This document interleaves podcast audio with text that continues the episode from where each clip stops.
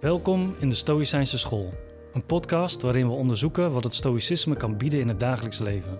In je studie, je gezin, je sport, op je werk, maar ook in je mens zijn, als deel van een groter geheel, de samenleving en de natuur. In de Stoïcijnse School bespreken we alles, van alledaagse dilemma's, psychologie en politiek tot de klassieke teksten van Epictetus, Seneca en Marcus Aurelius. Als jij streeft naar een rijke, ruime benadering van de Stoa en hoe je deze in jouw leven kunt implementeren, dan is dit jouw plek. Mijn naam is Dennis de Gruiter, organisatiefilosoof, schrijver, practicus en jouw gastheer in de Stoïcijnse School. Het Stoïcisme is een filosofie. Maar wat wij daar tegenwoordig onder verstaan, is heel anders dan hoe ze daar vroeger over dachten. Nu zien wij filosofie voornamelijk als een theoretische discipline die je aan de universiteit leert. Je bent dan voornamelijk bezig met het lezen van moeilijke teksten en het becommentariëren van moeilijke teksten. Het was voor mij een echte eye-opener toen ik in Pierre Hadot las dat de oude filosofen het becommentariëren van teksten maar als één aspect van de filosofie zagen. Er waren nog heel veel andere dingen die ze ook deden, zoals meditatie, visualisatie en ademhalingstechnieken.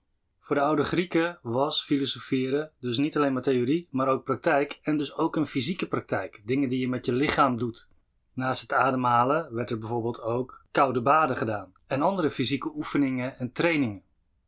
Waarom dat ze dat deden hangt voor een belangrijk deel samen met een thema dat leren sterven heet. En die krijgt een aparte podcast. Maar voor de filosofen was het in ieder geval zo dat je je lichaam moest disciplineren om ook je geest te kunnen disciplineren. En zo komt het dat veel meditaties in Marcus Aurelius heel mystiek en spiritueel verheven klinken, maar eigenlijk een hele nauwe samenhang hebben met fysieke oefeningen, fysieke discipline. En één zo'n voorbeeld daarvan is Meditatie 12 uit boek 11. Een van de vele fragmenten over de ziel en de zorg voor de ziel. Laten we hem eerst eventjes beluisteren. De ziel bewaart haar vorm als bol wanneer zij niet naar iets reikt zich niet naar binnen toe samentrekt, niet in vonken uiteenspat, niet als as ineenstort, maar straalt door het licht waarin zij de waarheid ziet in alle dingen en in zichzelf. Dit is een citaat van Marcus dat je niet vaak tegenkomt in de citatenbundels en verzamelingen van veel hedendaagse stoïcijnen. En er is ook al een reden voor. Ze weten vaak niet wat ze ermee aan moeten. Het mystieke spirituele taalgebruik past niet zo goed bij het idee van stoïcisme als een praktische filosofie. Maar toch zit hier heel veel praktijk in. Je moet alleen weten waar het zit, hoe je het moet ontdekken. Dus laten we dit citaat eens rustig uitpakken. Om te kijken welke verborgen boodschappen we kunnen vinden, maar ook welke praktische elementen we hierin kunnen ontdekken. Laten we beginnen met de eerste zin. De ziel bewaart haar vorm als bol, punt. Wat bedoelt hij daarmee? Hier zit al een verwijzing in naar een van zijn voorgangers, de filosoof Parmenides, die een mystiek leergedicht heeft geschreven over wat filosofie nu precies is. In dat leergedicht schrijft hij dat hij als een, jonge, maar fiere man op een paard en wagen meegevoerd wordt door de dochters van het lot naar de poorten van de onderwereld waar hij de godin tegenkomt, die hem allerlei zaken over het leven en over de werkelijkheid uit de doeken doet. De Britse klassicus Peter Kingsley heeft een fantastisch boek geschreven over Parmenides en over dat mystieke leergedicht en wat voor mythische achtergronden dat allemaal heeft. Ik zal de titel daarvan ook in de beschrijving van deze aflevering zetten. En waar Parmenides ook in dat leergedicht over spreekt is de ziel als een bol. Want is het idee hierachter, een bol in zijn volmaakte vorm. Er blijft niets aanhangen. Alles wat er op terecht komt, rolt er als het ware vanaf. Dus een ziel die als een volmaakte bol is, is in balans, is stabiel, is volmaakt. Er blijft niets aanplakken. Er zit geen ruwe oppervlakte waar van alles aan kan blijven hangen. Het is een perfecte geometrische vorm. En is als het ware tot rust gekomen in zichzelf. Marcus verwijst dus naar Parmenides als hij het heeft over de ziel als een bol. Maar zegt hij vervolgens, die vorm van een bol kan alleen maar worden bereikt op het moment dat de ziel niet naar iets reikt en zich ook niet naar binnen toe samentrekt. Volgens de Stoïcijnen is de ziel een samenstelling van lucht en vuur. En ze onderschrijven de klassieke elementenleer van de Grieken dat de hele werkelijkheid bestaat uit de elementen aarde, water, lucht en vuur. De Stoïcijnen zeggen dat de aarde en water dat dat passieve elementen zijn, dat zijn de zware elementen. En lucht en vuur, dat zijn de actieve elementen, en die zijn snel in beweging. De hele werkelijkheid bestaat dus uit een mix van al die elementen. Samen vormen ze van alles wat we waarnemen. En wij als mens bestaan dus ook uit een actief principe en een passief principe. Onze lichamen, het materiële gedeelte, of het zware materiële gedeelte, dat bestaat uit water en aarde. En onze ziel, ook materieel, maar vluchtig, snel, bestaat uit vuur en lucht. En volgens de Grieken zit de ziel in de borst. De emoties zitten ook in de borst. Dat idee wordt door de Stoïcijnen opgenomen in hun filosofie over de ziel. En dat ze zeggen dat de ziel, die lucht en dat vuur voortdurend in beweging is in die borst. En als mensen iets waarnemen dat ze graag willen hebben, waar ze naar streven, of waarvan ze denken dat het gepast is dat ze daarnaar streven en daar verheugd over zijn als het in de buurt is, bijvoorbeeld geld of status of een mooie man of vrouw, dan zeggen de Stoïcijnen, gaat die ziel als het ware naar voren drukken in de borst. We worden als het ware naar voren gedreven door die ziel. We gaan rijken naar datgene dat we willen hebben. Als we daarentegen in aanraking komen met zaken waar we bang voor zijn, die we proberen te vermijden, nou, bijvoorbeeld een gewelddadige situatie of een herinnering aan de dood of simpelweg een gerecht dat we vies vinden, dan trekt die ziel, die lucht en vuur, samenstelling als het ware terug, trekt samen, strak om ons hart heen. We krimpen als het ware in elkaar, want we proberen niet alleen maar te vermijden datgene wat we waarnemen, maar we geloven ook dat het gepast is om dat te vermijden. In deze twee regels laat Marcus dus al eigenlijk zien dat de ziel stabiel moet zijn door ervoor te zorgen dat het niet te veel reikt naar dingen waarvan ze denkt dat dat gepast is om daarna te reiken. Status, geld, mooie mensen. Maar zich ook niet te veel moet terugtrekken. Niet te veel in één moet krimpen uit bepaalde angsten voor dingen waar we eigenlijk niet angstig voor zouden moeten zijn. Als we dat rijken en dat samentrekken onder controle houden, als we dat disciplineren, dan wordt die ziel als vanzelf een bol. Laten we eens naar de volgende regel kijken. Daar schrijft Marcus: De ziel bewaart haar vorm als bol wanneer zij niet in vonken uiteenspat en niet als as ineenstort.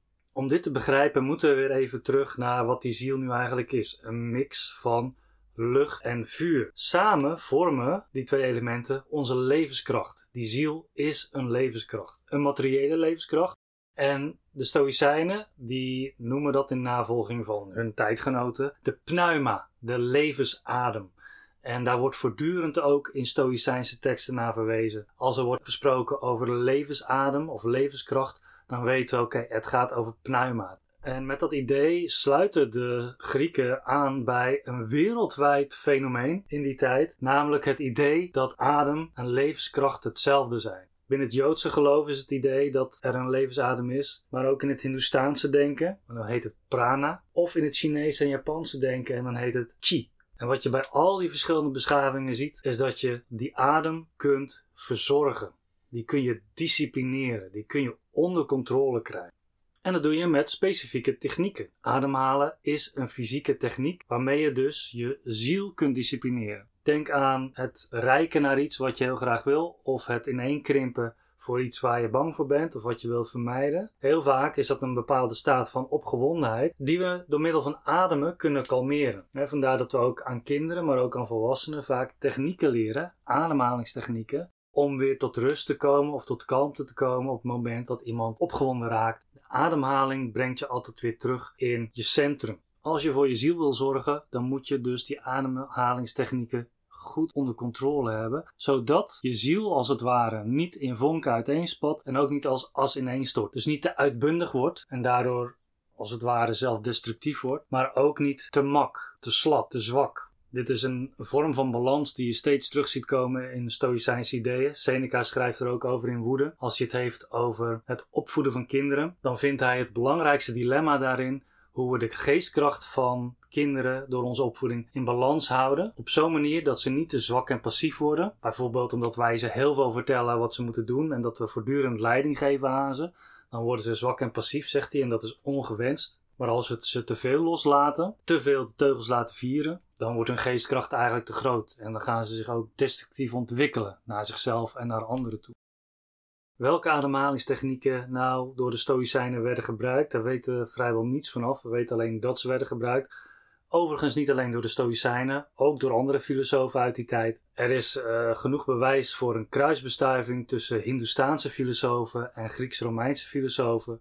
Ook daarvoor nog in de tijd van Parmenides, dan hebben we het over de 7e, 6e eeuw voor Christus, waren al die verschillende culturen van Noord-Afrika, het Midden-Oosten en Griekenland, die liepen door elkaar heen. Er waren allerlei gemeenschappen die in elkaar steden woonden. Dus we kunnen ervan uitgaan dat daar een flinke kruisbestuiving was van ademhalingstechnieken.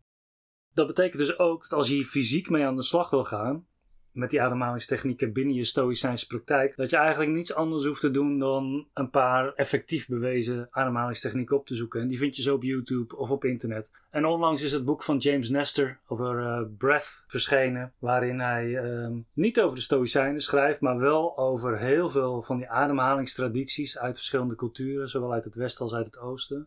Waar ook een aantal zeer goede ademhalingstechnieken in staan. Die je kunnen helpen bij nou ja, die vorm van een bol te bereiken voor je ziel. We hebben nog één regel over. En dat is de laatste. Dat de ziel als bol straalt door het licht waarin ze de waarheid ziet in alle dingen en zichzelf. Ik verwees net al even kort naar de zorg voor de ziel. Wij mensen hebben een ziel, een bepaalde samenstelling van lucht en vuur. Maar, zeggen de Stoïcijnen, en dat uh, doen ze in navolging van Socrates, voor die ziel moet je zorgen. Als je dat niet doet, dan raakt die ziel in verval. En als een ziel in verval raakt, dan kunnen we niet meer het goede leven bereiken. Onze ziel moet getraind worden, moet een bepaalde spierkracht ontwikkelen, waardoor dat we altijd de juiste keuzes maken en ons op de juiste manier verhouden tot de wereld om ons heen. En we kunnen voor die ziel zorgen, niet alleen op cognitief niveau, door te visualiseren of te mediteren, maar dus ook op een fysiek niveau. Als die ziel sterk wordt, onder andere door ademhalingstechnieken en filosofische reflecties, wordt die ziel als het ware helder. Epictetus gebruikt een bepaalde beeldspraak die je ook in de Oosterse filosofie ziet. Dat is de ziel als een kom met water. En hij zegt, als die kom met water in beroering is, dan kan het niet goed weerspiegelen wat er in het water zit. Hè. Het als een weerspiegeling van de maan in het water zien bijvoorbeeld, maar het water is troebel of het water is in beroering voortdurend dan kunnen we die maan niet helder zien. Is die ziel daarentegen in rust, in kalmte, in balans, dan kunnen we heel goed de weerspiegeling van de dingen zien. En zo moeten we kijken naar deze laatste regel. De ziel straalt als het ware door het licht, en dat is een, een licht wat reflectie is op onze ziel, waarin wij de waarheid zien in alle dingen en in zichzelf. Daarmee bedoelt hij dat we de dingen om ons heen op de juiste manier waarnemen, op de juiste manier interpreteren, eh, daar de juiste betekenis ook aangeven. En dat we ons niet laten meeslepen door oppervlakkige indrukken of door emoties of door andere illusies of waanvoorstellingen die we daarvan hebben. Dus onze ziel is gedisciplineerd, dan kunnen we helder op de juiste manier waarnemen. Maar, er is een belangrijke die er nog bij komt, we kunnen ook onszelf waarnemen. De ziel is volgens Epictetus en Seneca en Marcus iets dat zich van zichzelf bewust is en ook zichzelf kan onderzoeken. En daar zit ook weer een belangrijk onderdeel van die zorg voor de ziel. Als de ziel zichzelf kan onderzoeken door middel van filosofie en zichzelf kan disciplineren door middel van cognitieve en fysieke oefeningen, dan wordt hij dus ook helder voor zichzelf. En dan kunnen we een inzicht ontwikkelen in wie we zijn, maar ook wat we zijn en ook waar we een deel van uitmaken, het grotere geheel. Al die dingen komen dan samen. Nou, ik hoop dat ik zo een beetje een beeld heb gegeven van hoe je ook naar bepaalde meditaties van Marcus kan kijken. Sommige klinken soms heel vaag, maar eigenlijk zijn het hele praktische bespiegelingen die in filosofische en soms in mystieke bewoordingen zijn samengevat. In dit geval dus dat wij voor onze ziel kunnen zorgen, dat we dat op de juiste manier moeten doen, een balans moeten zien te vinden daarin en daardoor een helder inzicht kunnen ontwikkelen in de wereld om ons heen en in onszelf. En een belangrijk onderdeel daarvan omdat die ziel bestaat uit levensadem, uit lucht en vuur, is ademhalingstechniek. Op het moment dat we van streek raken of in verwarring, dan is eigenlijk het credo van de Stoïcijnen: even rustig doorademen. Weet hoe je dat doet. Leer jezelf een paar technieken aan, zodat je tot rust komt en helder kunt kijken naar de werkelijkheid en naar jezelf. Dat was hem voor vandaag. Bedankt dat je hebt geluisterd. Mocht je nog tips hebben of bepaalde vragen die je behandeld wil zien of bepaalde fragmenten uit de Stoïcijnse literatuur, laat het me weten. En zo niet, dan zie ik je in de volgende aflevering. Tot onderweg. Dankjewel voor het luisteren naar deze aflevering van de Stoïcijnse School. Je kunt ons steunen door een recensie achter te laten bij je favoriete podcastmedium of deze aflevering te delen met iemand die het kan gebruiken. Wil je nog meer STOA? Word dan een sparringpartner in de Stoïcijnse Arena of check de website van de Stoïcijnse School. De weblinks staan in de beschrijving van deze aflevering. Voor nu, tot de volgende aflevering. Tot onderweg.